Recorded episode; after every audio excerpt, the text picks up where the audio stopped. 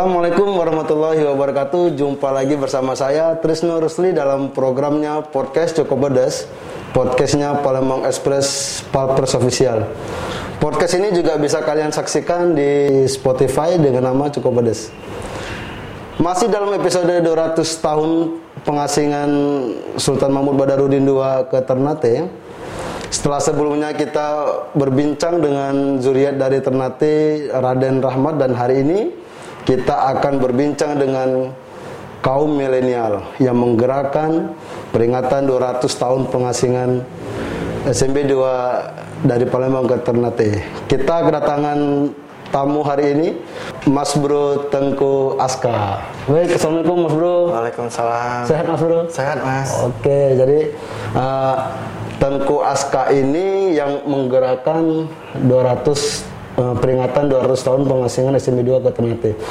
Di studio kita juga itu ada satu anak muda lagi kaum milenial juga yang menggerakkan di dunia media sosial. Uh, ketua youtuber Sriwijaya di belakang layar kita Mas Eja. Halo Mas Bro. Oh, Sukses Mas sukses. Jadi ada dua dua anak muda yang memang uh, di belakang layar uh, peringatan 200 tahun pengasingan ini yang akan menyentuh kaum-kaum milenial uh, biar mengenal lebih jauh sejarah peringatan 200 tahun pengasingan SMB 2 ke Ternate. Oke, tapi uh, untuk Mas Eja kita nanti ada segmen khusus juga. Untuk hari ini kita fokus ke uh, apa Mas Bro Tengku Aska. Oke. Sehat Mas Bro? Sehat Mas. Oke, sebelumnya kita lepasin dulu nih masker biar enak ngobrol. Nah, mungkin uh, pertanyaan yang paling awal uh, dan umum mungkin juga itu apa sih yang menggerakkan kaum muda ini untuk memperingati 200 pengasingan SMB 2 ke Ternate ini, Mas? Jadi gini Mas. Sultan Mahmud Badarudin II itu adalah pahlawan nasional pertama kita Palembang dari dari di antara dua pahlawan nasional. Yang pertama Sultan Mahmud Badarudin II, yang kedua Dr. Akagani. Oke. Okay. Nah, untuk Sultan Mahmud Badarudin II, beliau ini kan perjuangannya kan lumayan keras ya kalau kita lihat. Karena kalau nggak keras nggak mungkin beliau sampai diasingkan ke Ternate. Kedua, nggak mungkin juga kerajaan beliau sampai dimasukin ke dalam Hindia Belanda kan, sampai hmm. dibubarin lah kurang lebih oleh Belanda. Oleh Belanda. Jadi hmm. atas dasar itulah kita mengangkat kebesaran dari Sultan Mahmud Badarudin II agar supaya apa masyarakat Palembang anak milenial khususnya tetap ingat dengan perjuangan beliau. Oke, nah kalau dari sudut pandang uh, milenial, bagaimana ketertarikan secara umum ya? Hmm. Secara umum untuk memahami sejarah-sejarah salah satunya SMB 2 ini. Jadi gini Mas, kita percaya bahwa sejarah itu berulang. Bangsa yang besar adalah bangsa yang ingat terhadap sejarahnya kurang lebih gitu kalau kata Presiden Soekarno kan. -hmm. Jadi apa yang terjadi di masa lalu itu pasti akan terjadi di masa depan. Oke. Okay.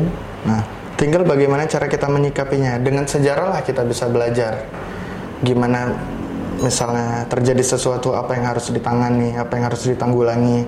Kayak sekarang Covid kan misal mm -hmm. 100 tahun yang lalu kan ada yang namanya flu Spanyol kan. Okay. Kurang lebih mirip-mirip dikit. Harus pakai masker, cuci tangan, jaga jarak dan lain-lain. Jadi begitu kita sekarang ngalamin Covid ini, kita lihat di masa lalu, ya kita terapin aja kurang lebih. Lebih simpel jadinya.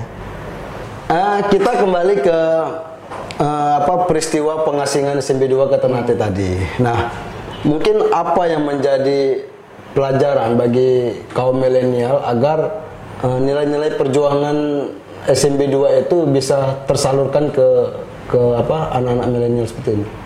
Jadi gini mas, apa namanya kalau kita lihat dari sejarah kan Kesultanan Palembang ini kan bukan cuma orang Melayu, orang Palembang terutama, tapi terdiri dari beberapa etnis lain kan. Mm-hmm. Ada etnis Cina, ada etnis Arab dan ada etnis India yang mayoritas kan.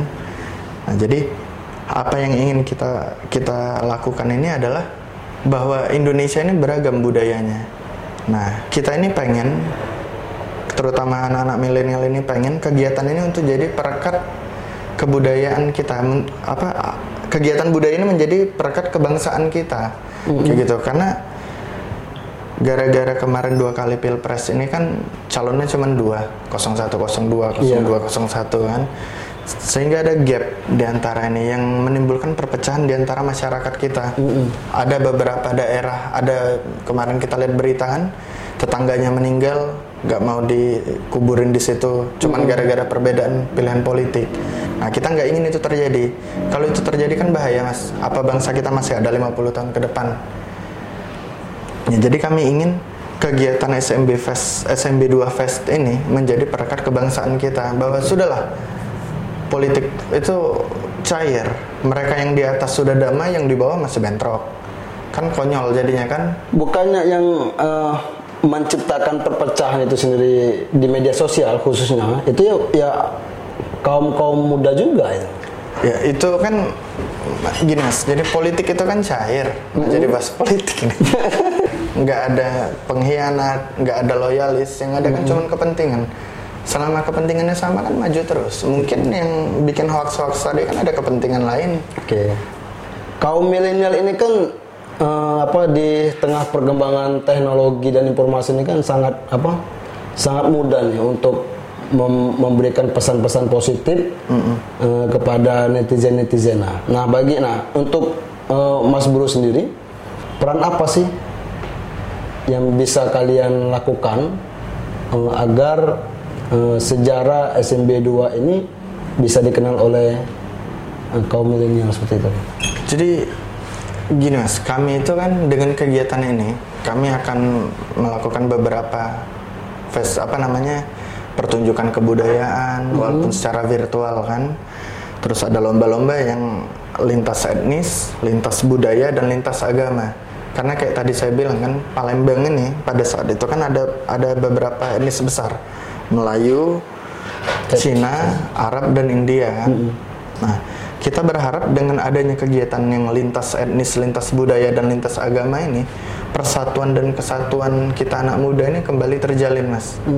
Jangan sampai terjadi kayak beberapa tahun silam kan, wah kita nggak boleh temenan, lu lu agamanya beda sama gue ya. Jangan sampai itu terjadi lagi.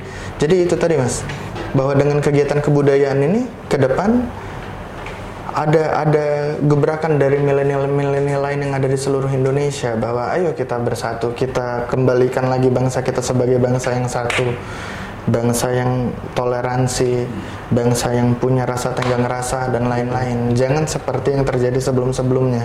Nah, ngomong-ngomong soal festival eh, SMB 2 festival ini kegiatannya apa aja nih? Yang khusus yang melibatkan kaum milenial. Jadi kalau yang melibatkan milenial itu kan ada lomba fotografi, ada lomba hadroh dan marawi, terus ada kayak kebudayaan yang yang tiap etnis ada itu ada contoh ada perwakilannya. Misal barongsai dari etnis Cina, Oke. Marawi dari etnis Arab India terus yang dari Melayunya mungkin kita bikin model tari-tarian atau gimana gitu kan terus juga yang sekarang lagi naik daun ini kan kopi mas nah jadi kita rencana nanti ada mau ada bikin lomba kayak apa latte art gitu Oke.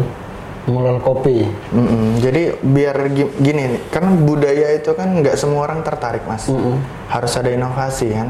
Nah salah satu inovasinya itu tadi menggabungkan budaya lama dengan budaya baru. Bukan budaya baru sih, kopi ini kan ngetren. Anak muda ini seneng yang ngetren. Nah jadi biar mereka tertarik, kita memberikan edukasi ke mereka lewat kopi ini tadi. Kita kasih edukasi tentang budaya dan sejarah SMB 2 tadi. Itu keinginan kita. Oke, pemirsa Skopedes. eh, nah mungkin kita kan sekarang ini masih pandemi COVID nih, Mas. Mas Bro. Eh, otomatis yang festival budaya itu ya tidak tidak tidak bisa berkerumunan. Betul mas. Ya kan? Nah, mungkin maksud saya itu formatnya seperti apa nanti biar Nah, jadi biar itu. apa biar yang agenda-agenda itu bisa tersampaikan ke ke milenial. Jadi format itu nanti kita bikin model video mas. Mm-mm. Kita model bikin model video yang disubmit ke panitia kita. Nanti kan kita pilih mana yang bakal menang. Nah mungkin 10 peringkat teratas itu nanti begitu nanti di acara penutupan atau nanti di acara yang belum kita pastiin tanggalnya ini kita bikin itu kita undang 10 orang ini aja jadi satu perwak satu tim itu paling dua orang dengan tetap melaksanakan prokes kesehatan jaga jarak dan orang yang terbatas untuk pengumuman hadiah dan lain-lainnya nanti pemenang dan lain-lain Eh, maksud saya tuh seperti ini. Ini kan yang digandeng kan anak muda nih. Anak muda yang mungkin lebih punya kreatif, kreativitasnya bisa menjangkau orang banyak kayak gitu kan.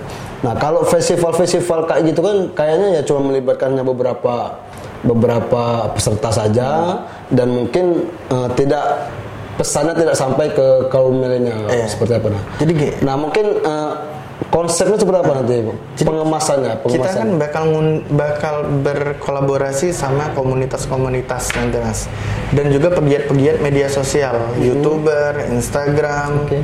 facebook dan lain-lain jadi kita harap dengan kita kolaborasi dengan pegiat media sosial dan komunitas-komunitas ini pesan yang ingin kita sampaikan itu lebih cepat terjadi.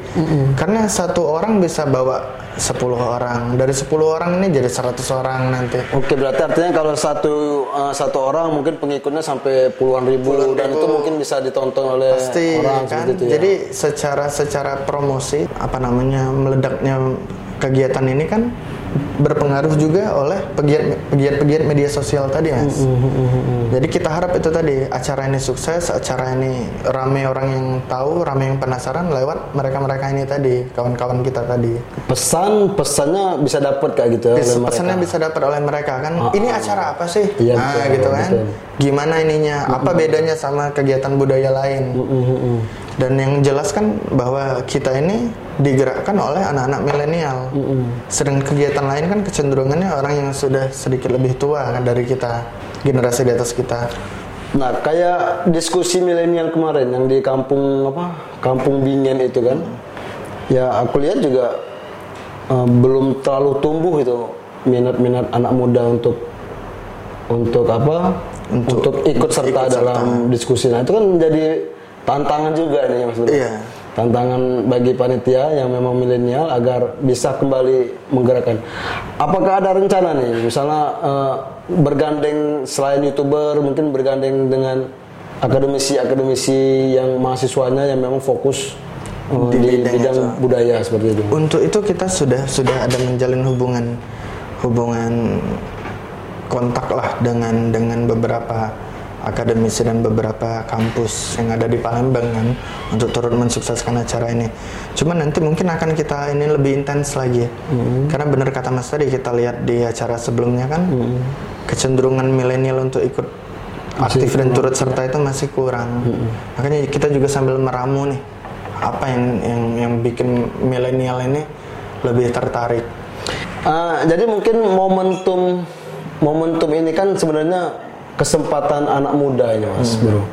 Ah, kan kita tahu kemarin itu pemerintah juga menerapkan ppkm darurat dari tanggal 3 sampai 20 ini kan, di mana eh, semakin memperkecil Ruang gerak. ruang gerak orang untuk melakukan kegiatan dan ini mungkin kesempatan bagi anak muda yang menggunakan media sosial untuk mengapa memberikan semangat uh, perjuangan SMB 2. Apakah seperti itu nantinya? Iya mas, jadi kan gini, milenial ini kan melek teknologi. Jadi dengan adanya ppkm darurat yang ada di Jawa dan Bali ini, yang kemungkinan bakal nyampe ke kita juga kan, kalau kita pakai kegiatan fisik kayak zaman dulu kan sulit. Di mana lagi ada covid dan lain-lain kan. Makanya maka, makanya kita gandeng tadi komunitas yang dari apa pegiat media sosial dan lain-lain tadi. Karena milenial itu melek teknologi. Nah, jadi kita kita tuh kegiatan kita itu beberapa itu bakal bersifat virtual. Oke, virtual. Virtual misalnya lewat Zoom, lewat mungkin apa namanya Q&A lewat Instagram atau Q&A lewat live YouTube dan lain-lain. Untuk menghindari Kerumunan, kerumunan tadi, Mas. Kerumunan tadi. ya? Kerumunan tadi. Uh, baik pemirsa cukup pedas uh, ya untuk apa memang kita ketahui bahwa saat ini ya zamannya zaman anak muda Uh, menurut saya sangat baik 200 tahun pengasingan ini uh, panitia juga SMB 4 itu juga me- menggandeng anak muda untuk memberikan uh, pesan-pesan yang lebih luas ke ke masyarakat. Nah mungkin apa nih Mas Bro? Uh, pesan tra- pesan untuk pemirsa Cukup Pedas dalam kegiatan ini. Jadi um, dulu kan bangsa Indonesia ini terkenal dengan bangsa yang ramah, Oke. yang sopan dan lain-lain. Tapi akhir-akhir ini kita lihat nggak ada lagi itu kan, saling menghujat, saling menghina. Nah kita pengen dengan adanya festival SMB 2 ini, kita itu jadi itu tadi merekatkan lagi perpecahan yang ada di kita, terus juga mengangkat lagi budaya kita sebagai bangsa yang sopan, bangsa yang santun, bukan sebagai bangsa yang sumbu pendek dan lain-lain lah kayak gitu. Bahwa kita pengennya bangsa Indonesia ke depan, terutama anak-anak milenial ini tetap mengedepankan adat-adat ketimuran kita, sopan terhadap orang tua, santun, berbudaya dan lain-lain. Kita kita lupain dulu lah politik dan lain-lain itu. Karena kita berdiri sebagai bangsa Indonesia, sebagai kaum milenial Indonesia dan juga pada intinya kita ini kita pinggirin dulu lah semua perbedaan yang ada di antara kita, politik dan lain-lain. Bahwa kita sebagai bangsa Indonesia, milenial Indonesia, anak muda Indonesia ingin agar bangsa kita tetap utuh dan akan bertahan selamanya. Oke, baik terima kasih Terima Mas kasih, Bro Mas. eh, Tengku Aska. Ya kita berharap dengan eh, keterlibatan milenial ini ya nilai-nilai perjuangan SMB itu bisa tertanam di anak-anak muda. Ramah, sopan, Ramah, dan sopan, gotong santun, royong. gotong royong. Baik, eh, demikianlah eh, podcast kita hari ini dan bagi kalian yang ingin mengetahui kegiatan peringatan 200 tahun pengasihan mungkin bisa cek di Instagram, YouTube ada. Ada. Nanti kita iniin aja nanti. Nanti kita tulis di bawah. Iya, aja. nanti eh, mungkin bisa dipantangi Instagram, YouTube dan jangan lupa di, di subscribe juga. Baik, saya Trisno Rusli. Wassalamualaikum warahmatullahi wabarakatuh. Waalaikumsalam warahmatullahi Oke, thank you. wabarakatuh. Thank you.